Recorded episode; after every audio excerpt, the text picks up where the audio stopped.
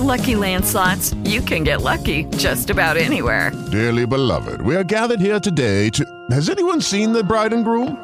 Sorry, sorry, we're here. We were getting lucky in the limo and we lost track of time. No, Lucky Land Casino, with cash prizes that add up quicker than a guest registry. In that case, I pronounce you lucky. Play for free at LuckyLandSlots.com. Daily bonuses are waiting. No purchase necessary. Void where prohibited by law. 18 plus. Terms and conditions apply. See website for details.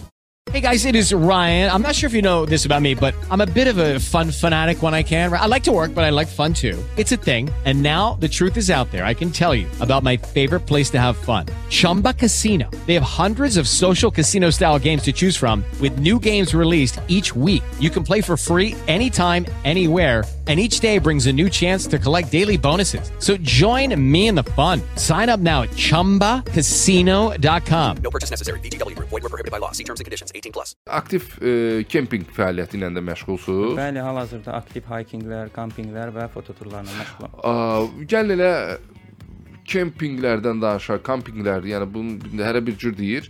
Kampinqlərdən danışaq. Əslində e, Azərbaycanda deməzdim ki, tam inkişaf eləyib hələ ki kampinq, çünki kampinq üçün aktiv e, zonalar hələ ki tam ayrılmayıb. Düzdür, Şahdağ Milli Parkı e, olsun, digər bəzi yerlərdə, Göygöl Milli Parkında bəzi yerlərdə var kampinq əraziləri, amma hələ ki tam formalaşmayıb. Sadəcə e, insanlarımız sərbəst şəkildə məşğul olmağa çalışırlar. Tam formalaşmış həmin ərazilər necə olmalıdır? Yəni dünyada necədir? Və siz kampinq nəzərdə tutursunuz, sadəcə ora gedib kamplar qurub bir neçə gün orada qalmaq, yoxsa haykingin daxilində o kampinq əraziləri qalxaraq ə, istifadə olunması? Bunu biraz bizə açarsınızmı? E, Belə deyim, dünyada e, inkişaf etmiş ölkələri nəzərə alsaq, kampinq üçün e, təyin olunmuş ərazilərdə təhlükəsizlik təmin olunur, e, təməl ehtiyaclar təmin olunur ki, insanlar onlardan rahat şəkildə istifadə edə bilsin. Bizdə də inşallah ki, görürəm e, inkişaf var bu sahədə. E, gəlin biraz geniş danışaq. E, kampinqdən ayrı danışaq, Bəli. haykingdən ayrı danışaq. Danışaq. Çünki kampinq üçün tələblər nədir və Azərbaycanda hansı ərazilər kampinq üçün yararlıdır? Haykingi də ikinci e, hissədə danışarıq bir 10 dəqiqədən sonra. E, kampinq e, Nədir ümumiyyətlə? Kampinq ümumiyyətlə e, dost tanışınızı götürürsüz, gedirsiniz e, mənzərəli bir yerdə çadırınızı qurursunuz. Mənzərəli dediyim burada əsas diqqət çəkməli olduğumuz məqam təhlükəsiz olmalıdır. Dağ yamaclarında, göl kənarlarında və yaxud da e, biz adətən şəlalə və yaxud da çay qırağı yerləri seçirik ki, həm e, su ehtiyaclarımı or ehtiyaclarımızı orada ödəyə bilək, həm də təhlükəsiz yerlər olsun. Çadırımızı qururuq, ocağımızı qalayırıq, e, xoş vaxt keçirdib, bir günlük olur adətən bunlar. Aha. Bir, bir gün boyunca gəzib, axşam kampinqimizi eləyib, sabahsı gün geri dönürük. Mən bir dəfə ə, Əmbil gölünə qalxmışdım. Bu Şabranda yerləşir. Ha, Şabranda düz ora qalxmaq deyirlər çətindir filandır. Dedim qalxacam. E. Düzdür, çətin idi. Ə, yəni bəlkə də burada yaş faktoru da var, kilo faktoru da var, amma Təcrübə məsələsi. təcrübə məsələsi də var. Orada işarələr var idi. Qırmızı lent bağlamışlar ağaclara. Yəni yolu tanıyasan, azmayasan deyə. Nəysə axıra qədər qalxdım, gördüm, nə, mən elə bildim ki, qalxıb orada tək olacağam. Gördüm nə, nə tək. Orada cəmaət çadırlar gətirib özü ilə, samavarlar gətirib. Nə bilim, orada əməli başlı adam varmış, başqa bir həyat var imiş. Ə, kampinq sayılır da o. Sadəcə ərazi biraz təhlükəli idi, mən belə hiss elədim. Nə mənada? Vəhşi heyvanlar baxımından. Bəli, çünki ora e, rəsmi olaraq kampinq ərazisi deyil, həmçinin e, dövlət nəzarəti yoxdur Əmbil gölünə.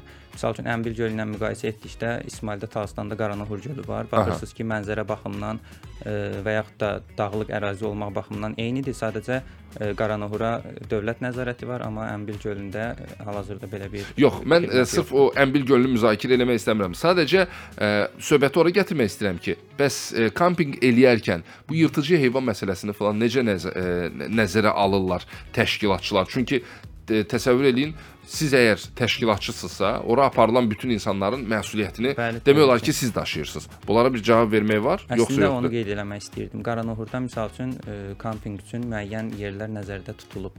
Hansı ki, həm yağışdan qoruyur sizi, üstü Aha. bağlıdır, həmçinin e, yerdən müəyyən qədər hündür məsafədə çadırınızı qura bilirsiniz.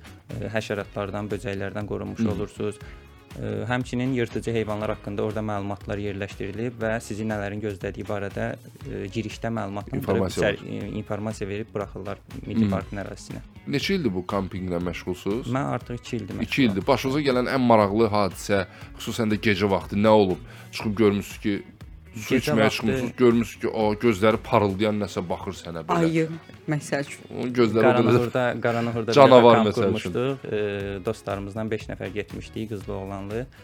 E, gecə ocağı söndürüb yatırıq hardasa saat 2-də, 3-də səsə oyandı uşaqlar ki, nədir, nə deyil. E, çıxdıq gördük ki, ağızlarda yenutlar biz yoxmuşuq kimi hərəkət eləyirlər. ətrafda. Nələr? Yenutlar.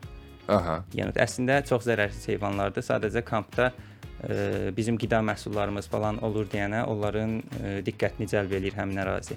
Mhm. Amma belə onlar da sizə böyük bir reaksiya Bəli, vermir. heç təhlükəsi yoxdur yəni heyvanların. Amma elə bildim bu yenutlar Azərbaycanda yoxdur. Səndə mi var idi? Yəqin ki, ə, kampinqlə məşğul olan insan müəyyən qədər də təbiətlə, ə, getdiyi ərazi ilə bağlı biliklərə sahib olmalıdır. Bəli, təbii ki. Ə, və ə, yaxşı olardımı ki, onlar tur rəhbərlə getsinlər?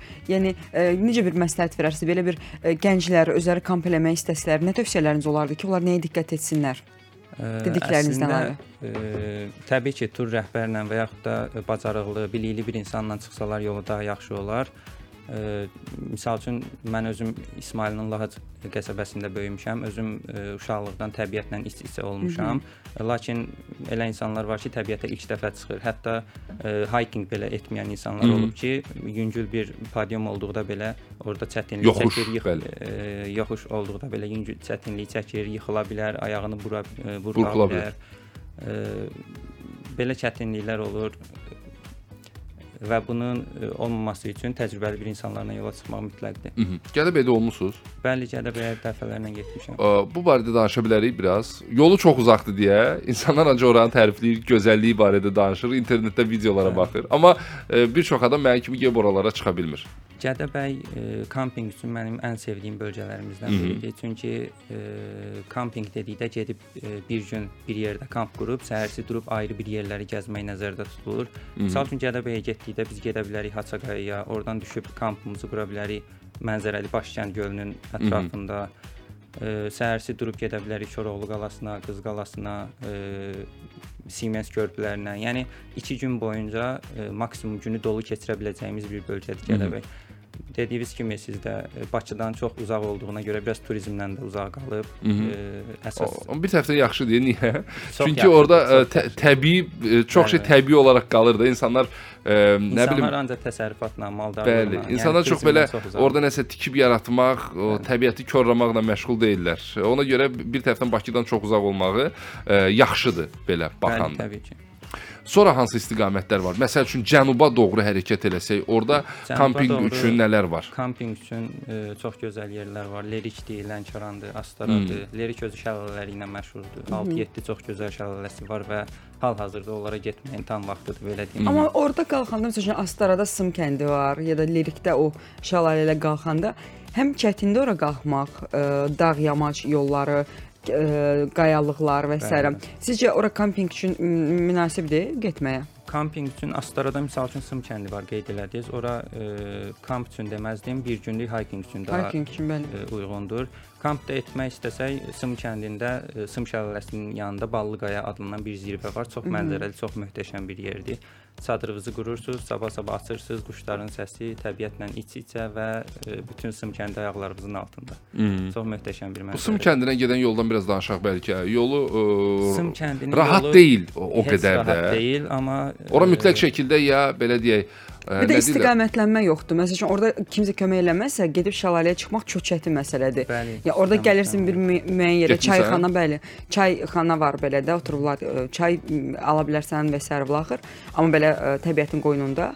Ondan sonrakı hissə o qədər qarışıqdır. Yəni kimsə sizi ötürməsə, ora gedib çıxmaq, yəni yolda azmaq mümkündür. Maşın yolu var, maşın müəyyən yerə yolu var, qədər. offroad maşın yolu var. Ə, ancaq Oazla falan da belə. Ancaq vazlarla, nivalarla hərəkət eləmək mümkündür.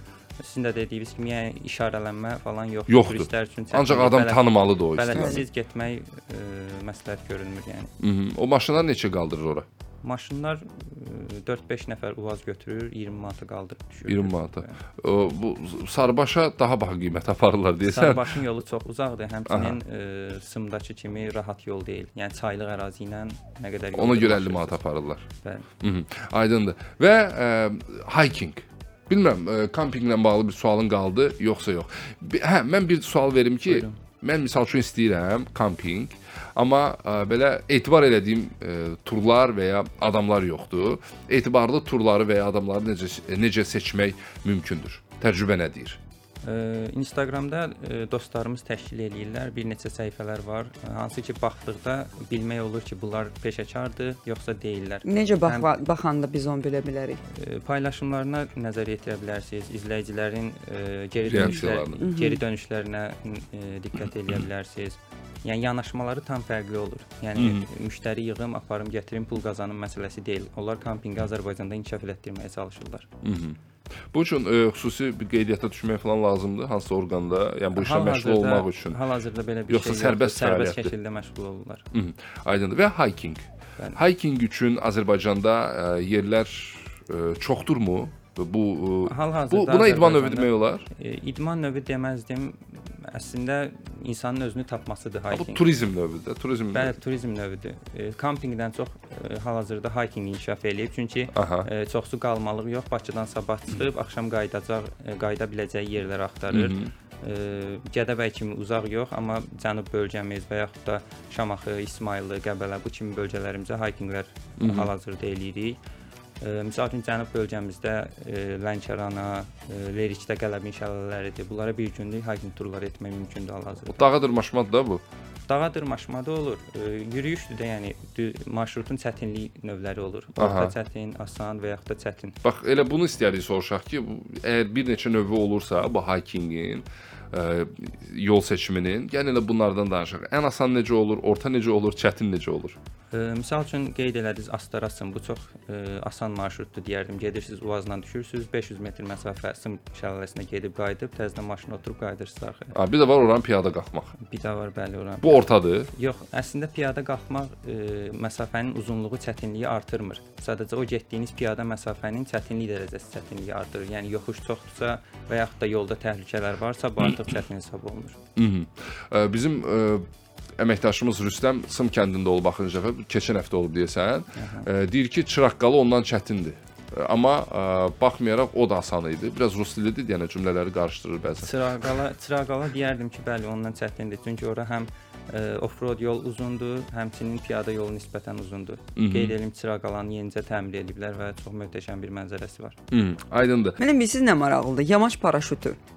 Yamaç paraşütü. Yamaç paraşütü birinci onu açaq ki, yamaç paraşütü, yəni bizi dinləyən insanlar üçün izləmədən, görmədən təs təsvir yaransın bu nədir?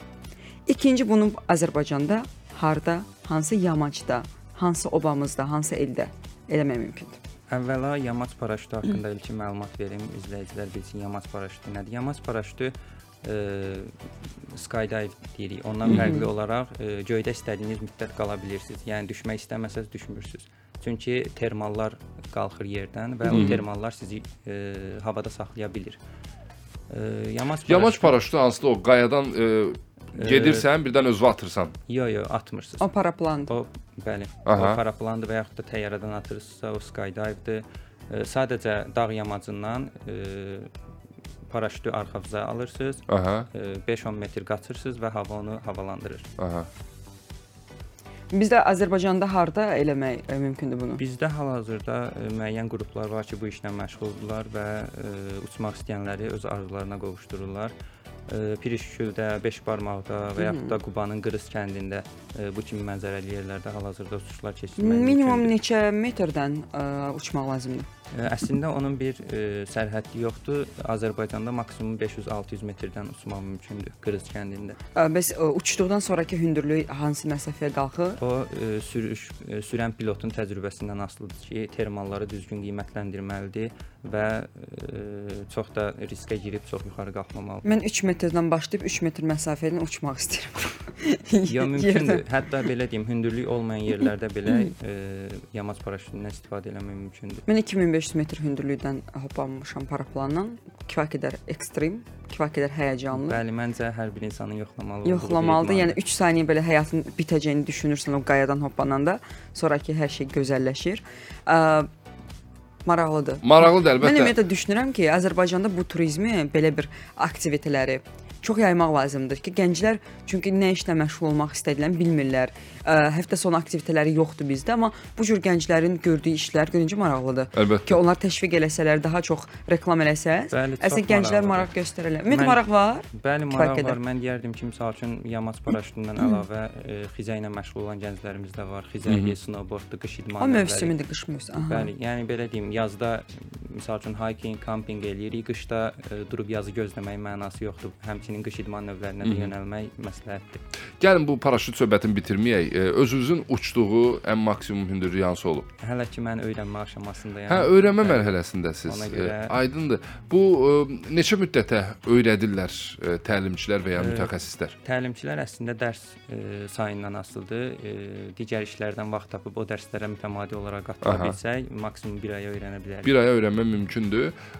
Bölgələrdə yəqin ki, bunu eləyirlər. Bəli, bəli, ilkin dərslər dediyim kimi hündürlük lazım deyil. Bakıda istənilən bir sahildə və yaxud da dəniz qırağında məşqlər keçirilir və növbəti etaplar artıq Birişgüldə, Beşbarmaqda və yaxud da Qrızda keçirilir. Ə, öyrəndin, qutardın, hər şey bilirsən, gərək özünə məxsus bir paraşütün də olsun, belə başa düşdüm. Bəli, Və mütləq. istədiyim yerdə bu paraşütü uçur, uçurda bilərəm, yoxsa e, bu da icazə ilə olan bir şeydir. Bəli, təbii ki, buna da icazə lazımdır. Hansı qurumlardan icazə almaq lazımdır? E, qurumlar deməzdim, e, əslində e, uçacağımız e, yerdə e, yerli orqanların məlumatı olmalıdır sizin Ki orada paraşüt barədə. Uçacaq. Aha. Aydındır. E, biz proqrama başlayanda vurğuladıq ki, Ayaz e, müharibə iştirakçısıdır. Su qovşağının azad olunmasında e, xüsusi xidmətləri əskər kimi xüsusi xidmətləri olan Azərbaycanlı gəncdir. İndi 26 yaşınız var. Bəli. Müharibə vaxtı var idi bir 23-24 yaşınız. E, yox, müharibə vaxtı 24 yaşım vardı. Artıq Aha. əsgərdən gəlmişdim, universitet bitmişdi Aha. e, və Təzədən qayıtdınız. olaraq müharibəyə yazılmışdım. Ə, Çox sağ olun, minnətdarıq. Ə, Mən nəyi danışmaq istəyirəm? Bu ə, xüsusən də ə, torpaqlarımız işğaldan azad ediləndən sonra biz gördük ki, necə ə, gözəl mənzərəli, bilmirəm, o torpaqların hər addımı, hər qarışı belə ə, bizim olduğunu olduğumuza görə demirik də bunu. Bunu təbii olaraq ə, deyirik. Kəlbəcər, Laçın, Suqovuşan özü, Şuşa, Xankəndi olsun, Füzuli olsun, Ağdam olsun və sair və ilaxır. Amma baxmayaraq ki, məsəl üçün sən yaşca məndən çox balacasan, məndən qabaq görmüsən həmin əraziləri, çünki müharibədə birbaşa iştirak eləmisən. Bu baxımdan, ə, məsələn, Suqovuşanda olmusan da sən. Suqovuşan və digər ə, ərazilərimiz. Oranın gələcək turizm potensialını necə görürsən? E, Və orada da, da, xüsusi nələr eləmək mümkündür?